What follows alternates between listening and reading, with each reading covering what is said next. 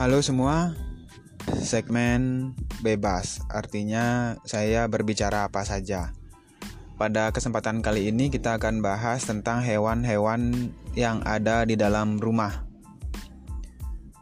Jadi ada beberapa macam hewan yang pasti seberapapun bagusnya rumah Anda, seberapapun Anda rumah Anda itu dengan perawatan dari pembunuh serangga atau pembunuh hewan, hewan-hewan ini tetap akan ada di rumah Anda. Bahkan di hotel berbintang hewan yang selalu ada di dalam rumah, seberapapun Anda berusaha untuk menyingkirkannya. Yang pertama itu yang sudah pasti ada adalah cicak.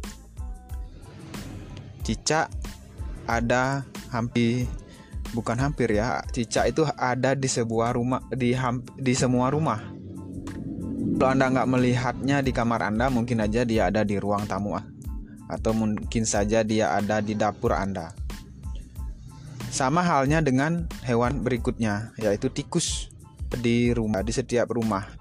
Siapa pun Anda, badan Anda, hewan ini juga ada di rumah itu. Kan di istana kepresidenan aja ada tikus. Berbintang juga tidak luput di rumah sakit juga tidak luput. Nah, hewan berik pasti ada di dalam setiap rumah atau setiap anggap gedung aja atau rumah itu adalah kecoa itu pasti setiap rumah. Bagaimanapun cara anda usirnya membunuhnya dia tetap akan ada. Hewan berikutnya adalah e, kelabang. Dia juga akan ada. Hewan berikutnya adalah laba-laba.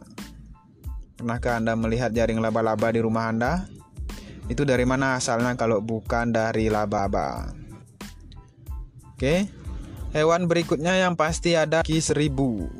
Kaki seribu pasti ada di rumah pasti.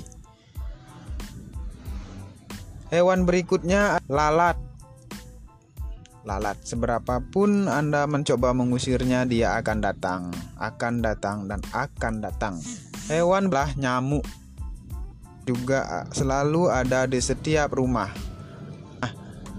Lalu apa pesan dari Allah yang ingin dicoba untuk disampaikan kepada kita? Menurut saya sih hewan-hewan tadi itu adalah simbol tenggu, simbol kekotoran. Menurut saya pasti ada hal-hal kotornya. Tidak bisa hanya hal-hal bersih saja. Di halnya dua tas. Selalu ada baik dan ada juga buruk. Itu pelajaran yang coba disampaikan oleh alam semesta kepada melalui binatang-binatang tadi. Jadi anda nggak perlu membuang waktu Anda, usaha Anda secara sangat keras sampai stres untuk menghilangkan binatang-binatang tadi.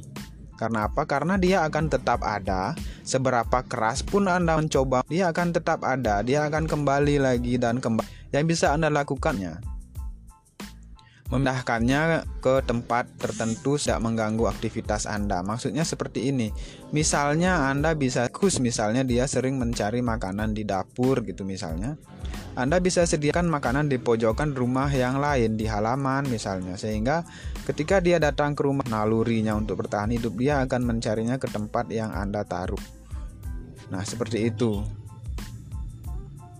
Jadi ber, berusahalah berdamai dengan mereka karena mereka hanya menjalankan nalurinya saja dan instingnya saja untuk bertahan hidup. Oke, demikian curhat semoga bermanfaat.